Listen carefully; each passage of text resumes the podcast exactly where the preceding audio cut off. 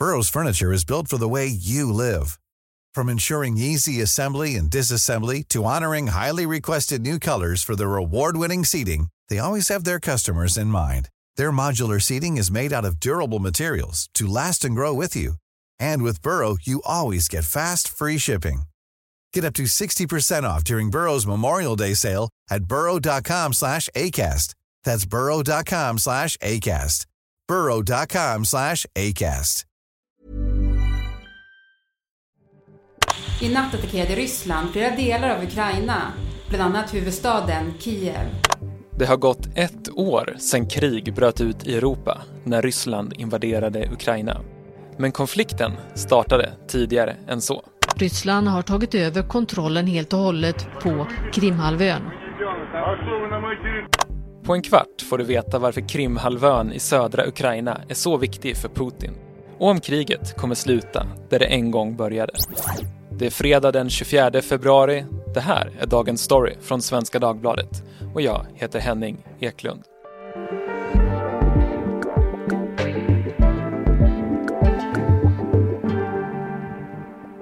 Teresa Kyschler, du är Europakorrespondent här på SvD. Hej! Hejsan! Du, det har ju gått ett år sedan Ryssland invaderade Ukraina. Mm. Kommer du ihåg vad du tänkte den dagen?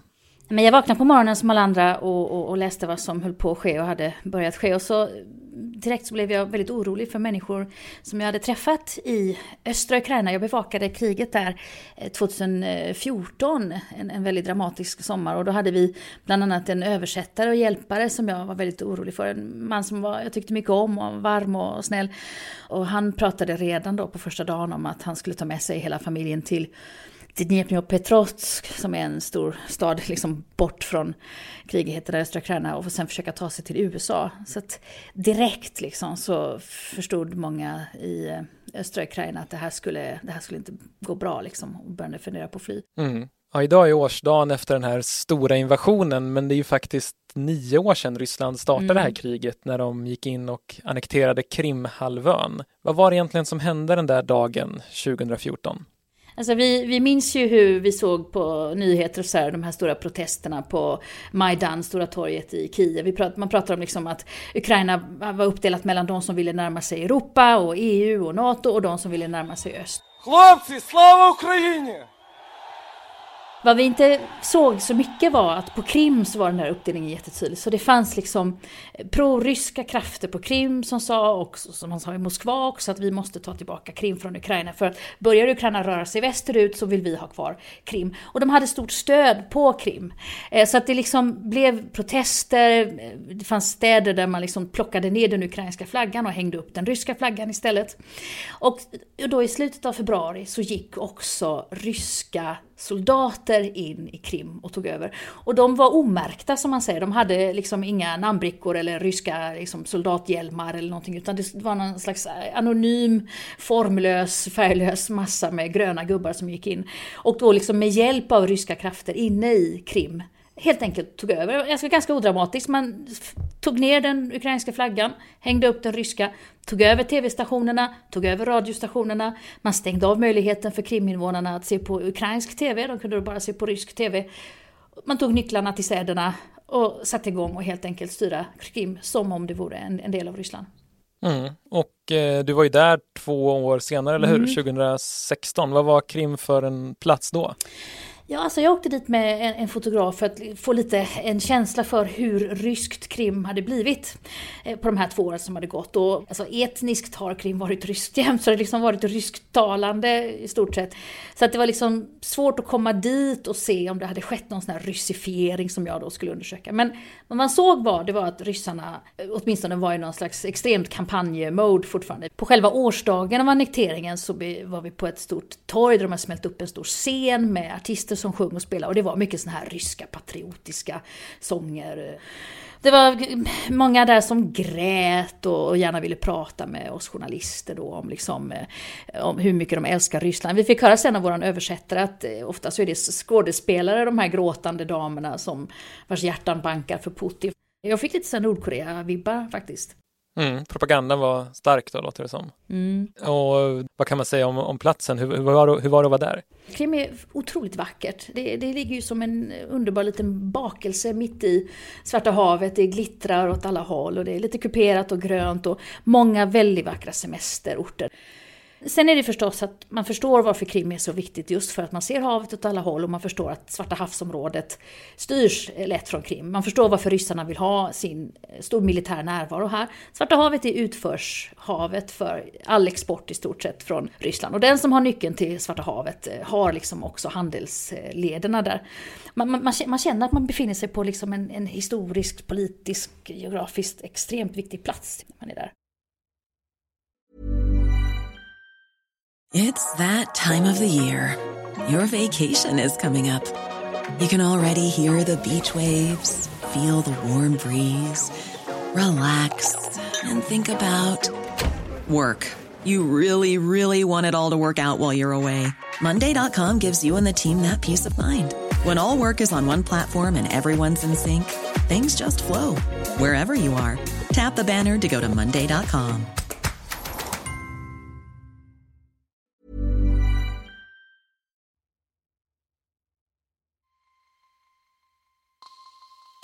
Det är enligt uppgift uppemot 60 tungt beväpnade män som ockuperat regionparlamentet i staden Simferopol på Krim i södra Ukraina och hissat den ryska flaggan över byggnaden. Omvärlden överraskades av Putins illegala och nära blodlösa annektering av Krim 2014. Men det var inte första gången Ryssland klampat in för att erövra halvön. 250 år tidigare besegrade Katarina den storas arméer det Osmanska riket och intog Krim utan att en enda droppe blod spilldes. Halvön med sitt strategiska läge vid Svarta havet blev en viktig maktbas för det ryska imperiet. Sedan dess har Krim bytt ägare flera gånger. Efter Sovjetunionens bildande hörde Krim till den ryska delrepubliken men överlämnades 1954 som en gåva till den ukrainska delen. Och när Sovjetunionen kollapsade blev Krim en del av det självständiga Ukraina. Men den strategiskt viktiga hamnstaden Sevastopol blev fortsatt bas för den ryska Svarta havsflottan. Yeah, they don't want to say anything, but it's pretty clear that they're Russian. I mars 2014 gick ryska militärer i omärkta uniformer in och tog över halvön. Med den olagliga annekteringen ansåg Putin att han återfört Krim till sin ursprungliga ägare. Крым и Севастополь возвращаются в родную гавань. Teresa, hur betydelsefullt har Krim varit för Ryssland historiskt skulle du säga? Det finns nog nästan inte en enda europeisk eh, makt eller imperiedröm som inte har gått någon gång via Svarta havet. Men här har i stort sett alltid den, den eh, Ryssland haft en militär närvaro. Under tsartiden så, så lade man en flottbas där. När Sovjetunionen upplöstes så blev Krim den allra första frågan som man var tvungen att reda ut med Ukraina som, som då blev ett självständigt land.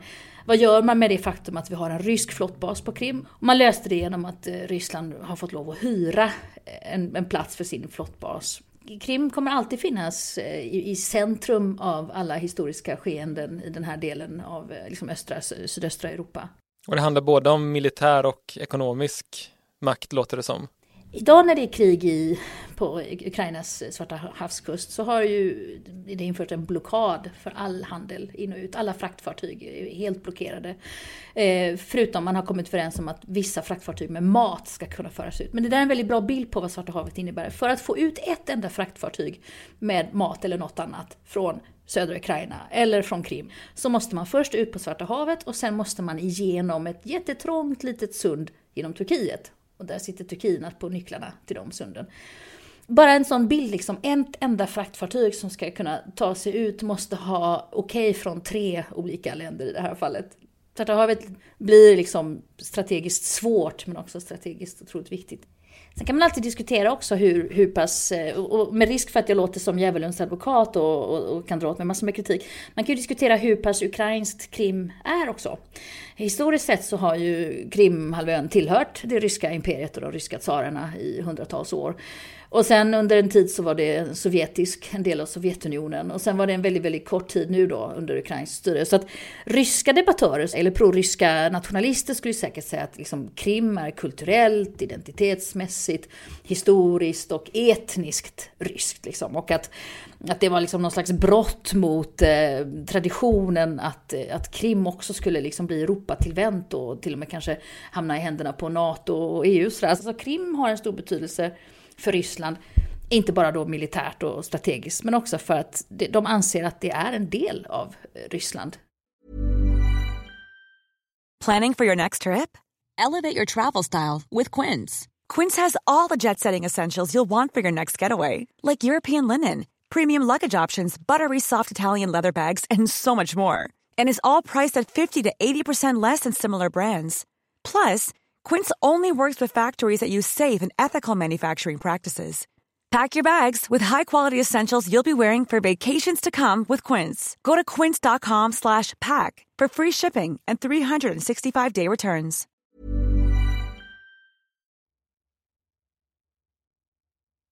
Det är ju liksom hundratals år som Krim har varit en del av Ryssland och använts mm. i den ryska propagandan men också på senare år liksom ett ukrainskt narrativ. Hur, hur ser liksom den här propagandastriden om Krim ut idag? Ja, som sagt, de här Nordkorea-vibbarna som jag fick är väl ett, ett, ett klart tecken på liksom, att det finns ett propagandakrig som pågår. Men jag skulle säga att, att Ryssland har vunnit det där propagandakriget på walkover. I alla fall i de delarna jag såg i, eh, på Krim. Nej, men man har tagit över tv-stationer och man har tagit över radio. Man har skurit av då möjligheten att se ukrainska nyheter. Och sen så får man ju säga att väldigt många väst, alltså pro-västkrafter, människor, har ju också lämnat Krim.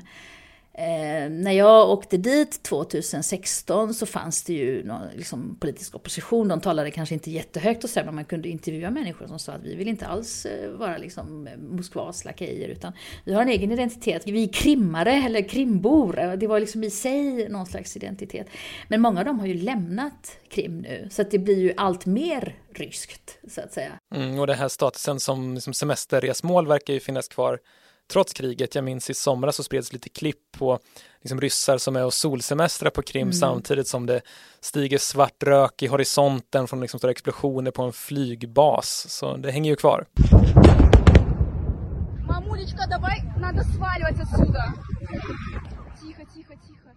Det har kallats för ryska rivieran. Krimhalvön. När jag var där så hade man precis stängt av eh, liksom, möjligheten att använda Visakort och Mastercard. Och man skulle inte kunna åka till Krim och semester om man än ville, för hur skulle man ens kunna betala för sig? Men det verkar som att liksom affärsverksamheter som är beroende av internationella transaktioner och sånt, de, de, har försvunnit eller helt enkelt gått upp i rök eller gått i konkurs. Men däremot turismen, eh, alltså är det ryska turister som kommer och de ändå har med sig ryska rubel, så har inte det påverkat så himla mycket ändå faktiskt. Mm. Och nu har ju kriget pågått i ett år idag och mm. då kan man inte låta bli att blicka lite framåt och tänka på fred. Finns det några förhandlingar att ens att prata om nu? Lite offentligt så, så, så stödjer vi alla Ukraina och president Zelensky som säger att eh, Ukraina är helt och hållet Ukraina, vi tänker inte ge upp en, en, millimeter av det och Putin kan inte komma här och bara roffa åt sig mark lite som han känner för. Men det finns bakom kulisserna diskussioner om att Kanske kan ryssarna dra tillbaka sina styrkor och sluta bomba fastlands-Ukraina, men nu har Krim varit i ryska händer i nio år.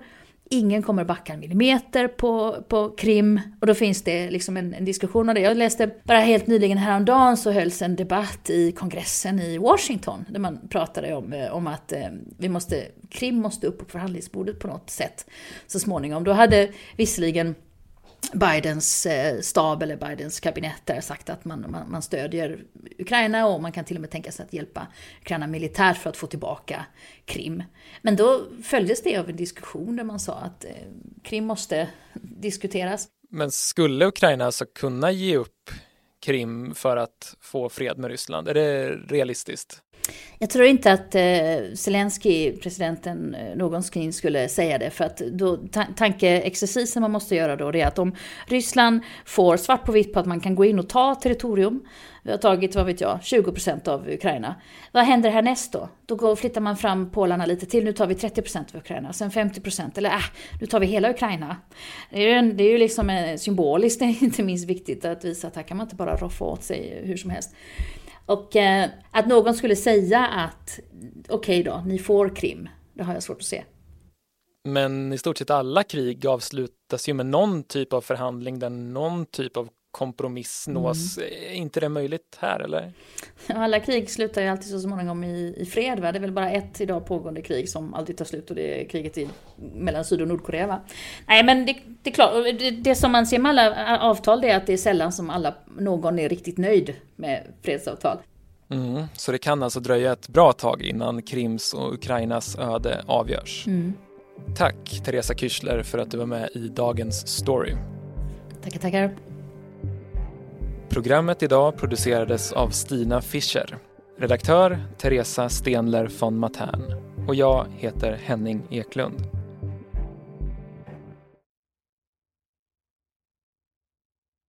Vill du kontakta oss? Mejla på dagensstory.svd.se.